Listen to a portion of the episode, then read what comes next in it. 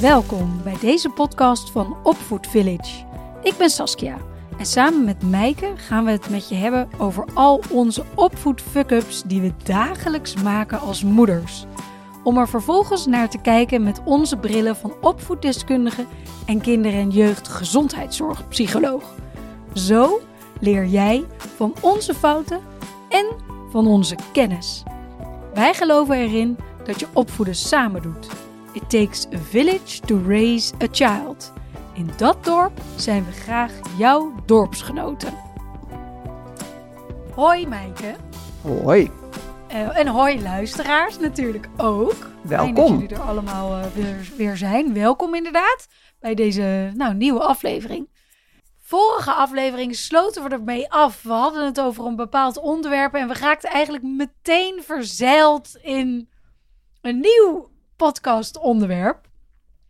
Maar voordat we daar naartoe gaan, onze vaste rubriek.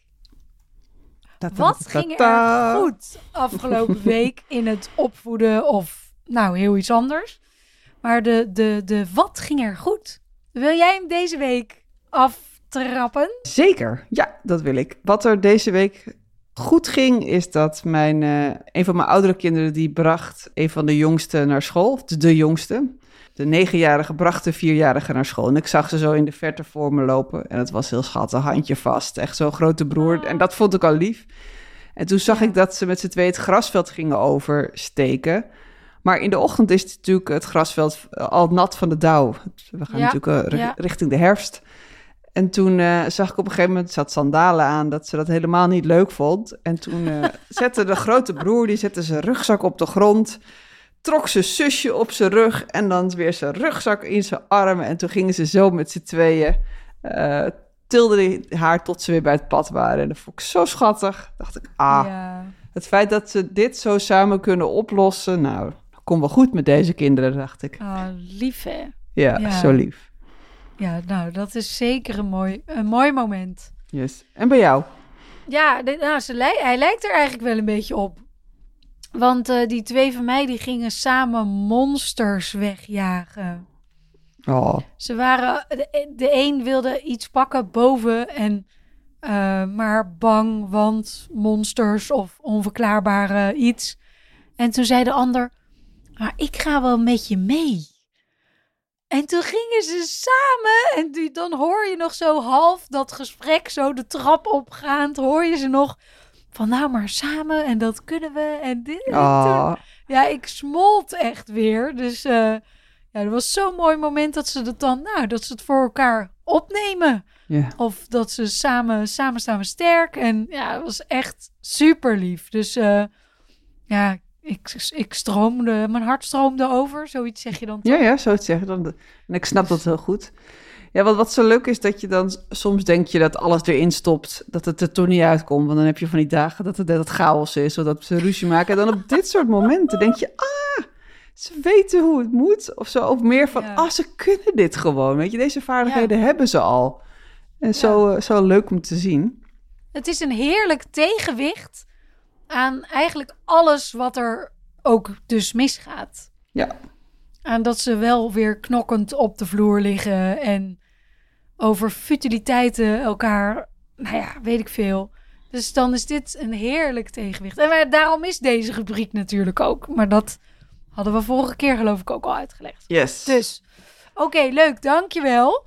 Um, dan, vorige aflevering kwamen we erop dat we zeiden: hoe geef je je kind mee dat de wereld een veilige plek is, maar zonder daarin naïef te worden? Ja, ja en ik denk dat het daar dat het ten eerste heel belangrijk is dat, dat we eerst misschien uh, even verduidelijken wat we bedoelen met de wereld is een veilige plek.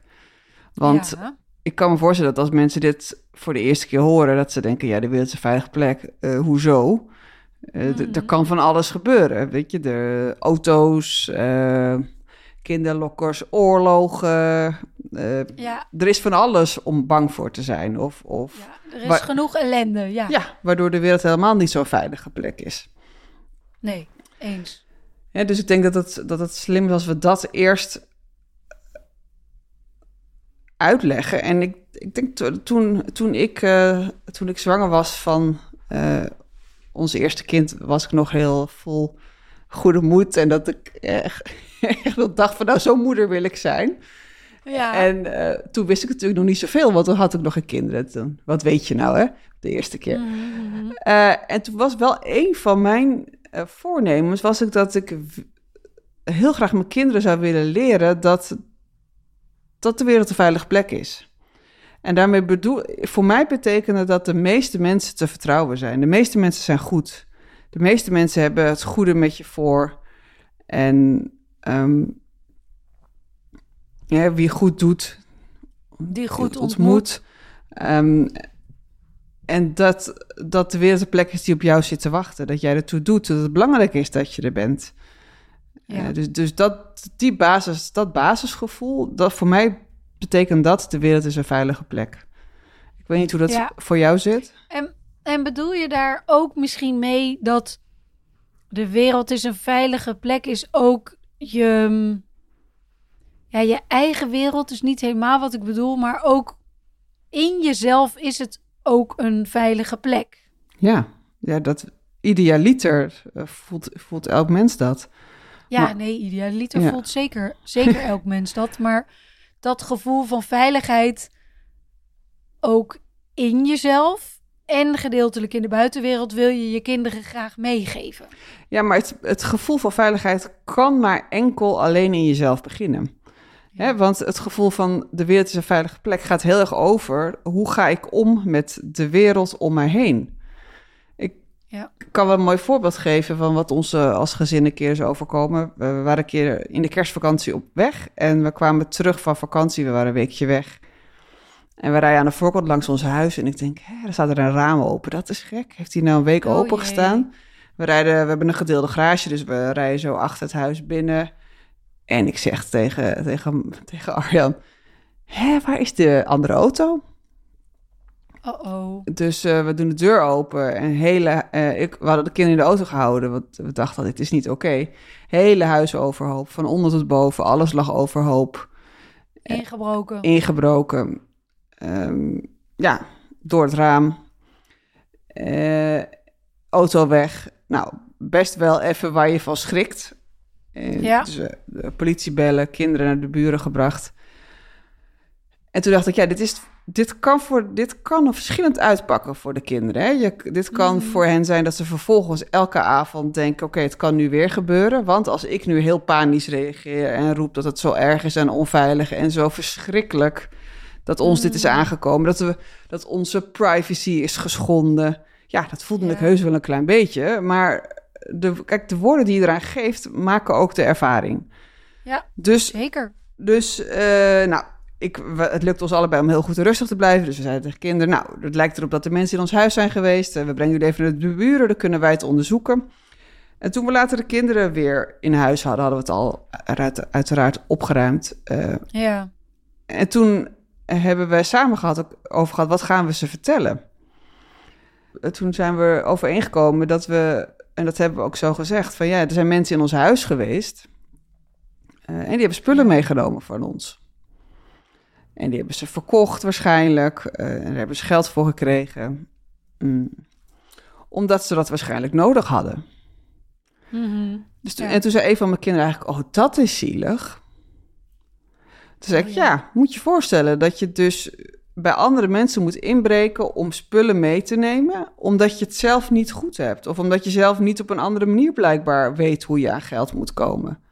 Ja. En ze, hebben ons huis goed in de gaten gehouden. Ze zagen dat we op vakantie waren. Toen zijn ze binnengekomen. En eh, nou, ik heb toen meteen iets voor de ramen gemaakt, zodat de ramen niet meer open kunnen op de benedenverdieping. Dus ik heb het ook wel fysiek veiliger gemaakt. Maar door het verhaal wat ik vertelde, heb ik er geen enge mensen van gemaakt. Maar eigenlijk gewoon mensen die zelf in nood zaten. Eh, Ja. En geen betere manier hadden dan zo om te gaan met hun nood. En dat bedoel ik eigenlijk met dat de wereld een veilige plek is. Dat op het moment Ja. dat je iets onveilig overkomt, kan je vanuit je eigen binnenwereld kiezen hoe je daarop reageert. Dat is natuurlijk met heel veel dingen in het leven zo.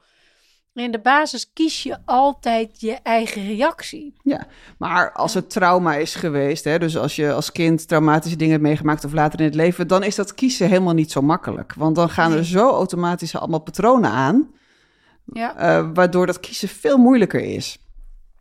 En eh, Ja.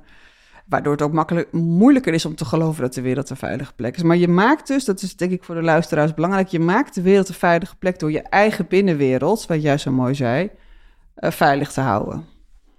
ja. Ja, en ik hoor je ook wel heel erg zeggen dat er zit veel ja, verhaal.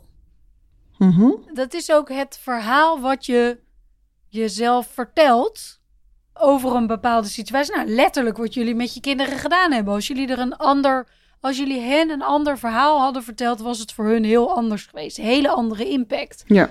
En dat geldt natuurlijk niet alleen met zo'n inbraak, zoals in jouw voorbeeld, maar dat geldt natuurlijk eigenlijk voor alles. Ja, uiteraard. Kijk, en weet je wat het is? We weten één ding zeker. We weten, één ding zeker is dat er mensen in ons huis zijn geweest. We weten één ding zeker, Ja. er zijn spullen weg. Feit. Ja. Ja, feit. En eh, kijk, zelf ben ik ook niet zo snel overstuur, dus dat, dat, dat is een voordeel. Ik heb een veilige binnenwereld, dus mij lukt het makkelijk om daar veilig op te reageren, ook naar mijn kinderen toe. ja, Maar hoe je omgaat met het feit, dat, dat, dat, dat maakt je hele wereld anders. Want stel je voor als ik tegen ze had gezegd, er zijn mannen in ons huis geweest en die hebben zelfs tussen jouw kleren zitten zoeken.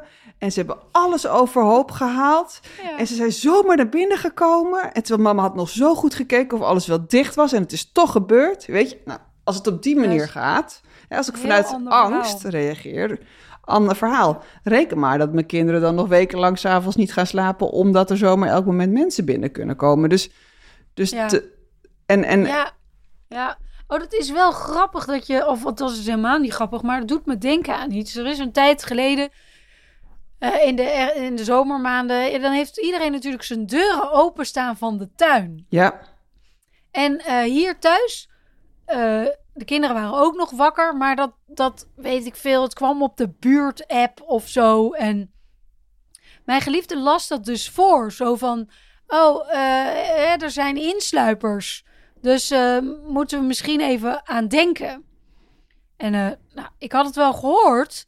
Maar, en, en ik had het ook wel ergens in mijn hoofd geregistreerd.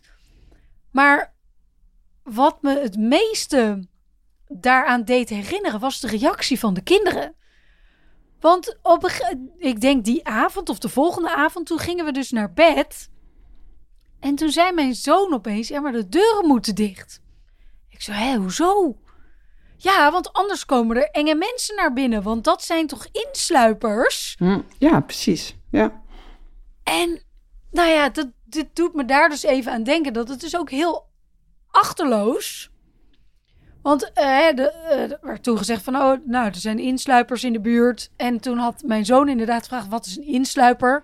Nou, hè, mensen die je huis insluipen, om dingen te pakken. Ja. Hè, Ze komen ongevraagd binnen. ja, Maar dat had dus veel meer, eigenlijk veel meer indruk op hun gemaakt dan dat ik me had gerealiseerd. Want ik had, voor mij, had ik heel sec uitgelegd wat een insluiper is. ja.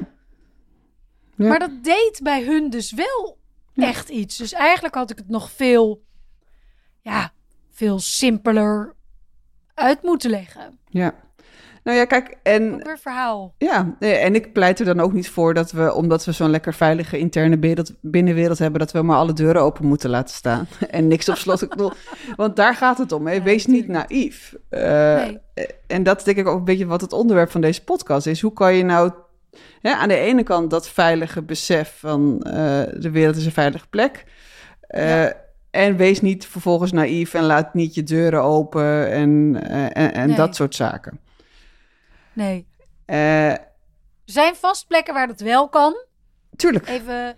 Jo, hè, op Bali hadden wij geen voordeur. Daar kon je zo ons huis binnenstappen. We hadden wel security, maar het was een heel groot terrein. Het was niet heel moeilijk om gewoon bij ons naar binnen te komen als je dat zou willen. Maar Ja. dat voelde zo veilig dat we dat daar niet deden. Nou, hier in Amsterdam doe ik wel keurig even mijn deurtje op slot s'avonds. Ja. Ja. Eh, Nee, dat is ook zo. En ik vind het wel grappig, want jij zegt... Hè, de wereld is een veilige plek en wees niet naïef. Ik weet niet meer waar ik het laatst ook iemand hoorde zeggen. Die zei, ik, ik ben liever naïef dan, nou ja, hè, vul maar in, dan achterdochtig Ja, of... Nee, absoluut. en, en in sommige gevallen is het dan ook weer een keuze om de wereld als een veilige plek te zien en het verhaal, nou, een mooier verhaal misschien van te maken. Ja. Want het is ook heel vervelend als je maar altijd denkt de wereld is geen veilige plek. Nee, dat denk ik Ja. ook. Eh, dat is ook mijn, mijn instelling, denk ik. En dat is ook wat ik dus in de opvoeding ook probeer, eh, eh, probeer mee te geven. Dat je, je kiest je eigen verhaal. En, Ja. en dat is denk ik de kracht die wij hebben als mensen, dat, dat we dat ook daadwerkelijk kunnen. En, Keuze. ja, dat we die keuze hebben. Ja. Dat is echt een belangrijk Ja. onderdeel van mens zijn. En dat, dat vind Maar ik... hoe, en hoe deel jij dat, Meike, met je kinderen? Want, hè, dat vraagt de luisteraar zich misschien ook wel af. Zo van, ja, maar hè, mijn kind is, nou, noem een leeftijd. Dat kan natuurlijk variëren. Maar hoe, ja, Nou, wat ik, ja, ik snap, hoe doe je dat dan in de opvoeding? Nou, ten eerste door Ja. zo'n voorbeeld dat als er zoiets gebeurt, ja, hè, dat is een heel duidelijk voorbeeld over hoe ik het doe. Maar waar ik eigenlijk ook heel vaak op hamer eh, bij de kinderen, is eh, verantwoordelijkheid nemen voor je eigen gedrag. Eh, ja, Ehm, want als je verantwoordelijkheid kan nemen op je eigen gedrag, dan ben je ten eerste al niet meer een speelbal van anderen. En dat voelt dus veel veiliger. mhm, dus dat doe ik al in hele kleine situaties. Als mijn kind loopt te gillen omdat de ander wat heeft gezegd. Eh, en die zeggen dan, eh, ja, maar hij laat me gillen. Nou, dan zeg ik altijd, nou, je- er is geen knopje waar hij op geduwd heeft. Geen geelknop. dus je- Nee. je hebt geen geelknop. Die geel komt uit jou. Dus dat ik dus al heel vroeg, en ik weet wel dat ze het allemaal nu nog niet kunnen sturen, maar wel heel vaak ook al met woorden het onderscheid maak met waar, die, waar je zelf invloed hebt op en waar de ander invloed op heeft.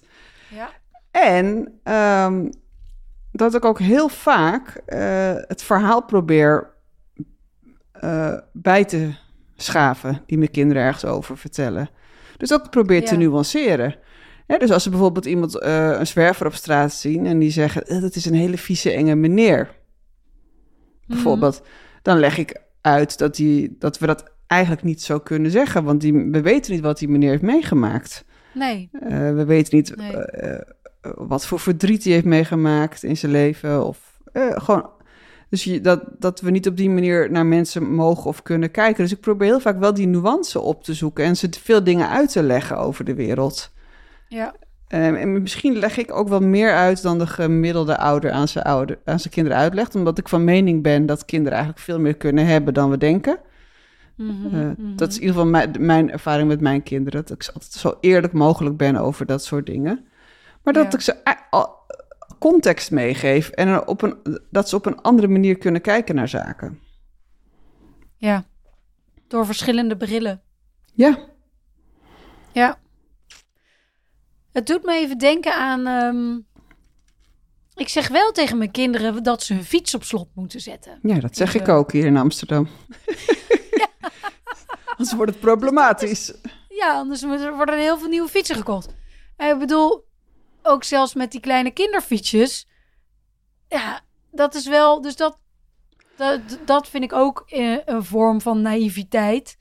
Daarin hoeven mijn kinderen niet naïef te zijn. Dan zeg ik, Nee. ja, je moet je fiets op slot zetten. Anders is hij weg. Ja, Ja, waarom dan? Ja, anders is hij weg. Ja, maar door wie dan? Ja, iemand die je meeneemt. ja. Iemand die blijkbaar niet op een andere manier weet hoe die geld moet verdienen. Ja. En aan een fiets kan komen. en aan de fiets kan komen. En weet je, en door dat, en dat is de nuance die ik dan probeer mee te geven. Hè? Dat stukje van ja, dan is er blijkbaar iemand die te weinig geld heeft. ehm, om een fiets te om kunnen een kopen. fiets te kunnen kopen of om, om iets te kunnen verkopen. En dan neemt hij jouw fiets mee, ja. En, maar daardoor wordt het ook minder eng. Dus dat, het is niet een, een, een enge meneer die fietsen steelt. Nee, het is iemand in nood die een fiets steelt. Dat is wel een ander verhaal. Ja. En, eh, ja, dat is zeker een ander verhaal. en het is niet dat ik eh, eh, alles met eenhoorntjes en regenbogen bedek. Helemaal niet. Want ik roep ook wel eens in de auto, wat, als ik word afgesneden, hufter of zo. Weet ik. ik ben ook niet de hele dag alleen maar genuanceerd. Nee, nee, nee, Helemaal niet. Je bent ook maar een mens, Maaike. Ja, ook maar een mens. En, ook, en soms ook helemaal niet genuanceerd. Maar, maar wel op dit soort momenten. En ik denk dat dat... Dus de wereld is een veilige plek. En ja, er kunnen alle, allemaal dingen overkomen. En als je iets overkomen is, dan heb je zelf weer de keuze hoe je daarmee omgaat. En dat maakt de wereld een veilige plek. Uh, hoe je het verhaal inkleurt. Ja. Ja. Ja. Mooi. Ja. Nou. Mooie samenvatting. ja, dat we de wereld weer een beetje, beetje mooier hebben ingekleurd vandaag met, deze, met dit heerlijke gesprek. Dankjewel, Meike. Graag gedaan, dankjewel Saskia. Graag gedaan. Dankjewel luisteraars. Leuk dat jullie ook deze aflevering weer helemaal tot hier gekomen zijn en lekker meegeluisterd hebben naar ons gesprek van vandaag. Dankjewel voor het luisteren en deel deze aflevering. Uh, abonneer je op deze podcast. En stuur je vragen in, mocht je ze hebben over opvoeding, naar info.opvoedvillage.nl. Op onze website kun je al onze programma's vinden, www.opvoedvillage.nl. En dan hoop ik dat jullie volgende week ook weer luisteren naar een nieuwe aflevering. Tot dan, dankjewel. Doei. Doei.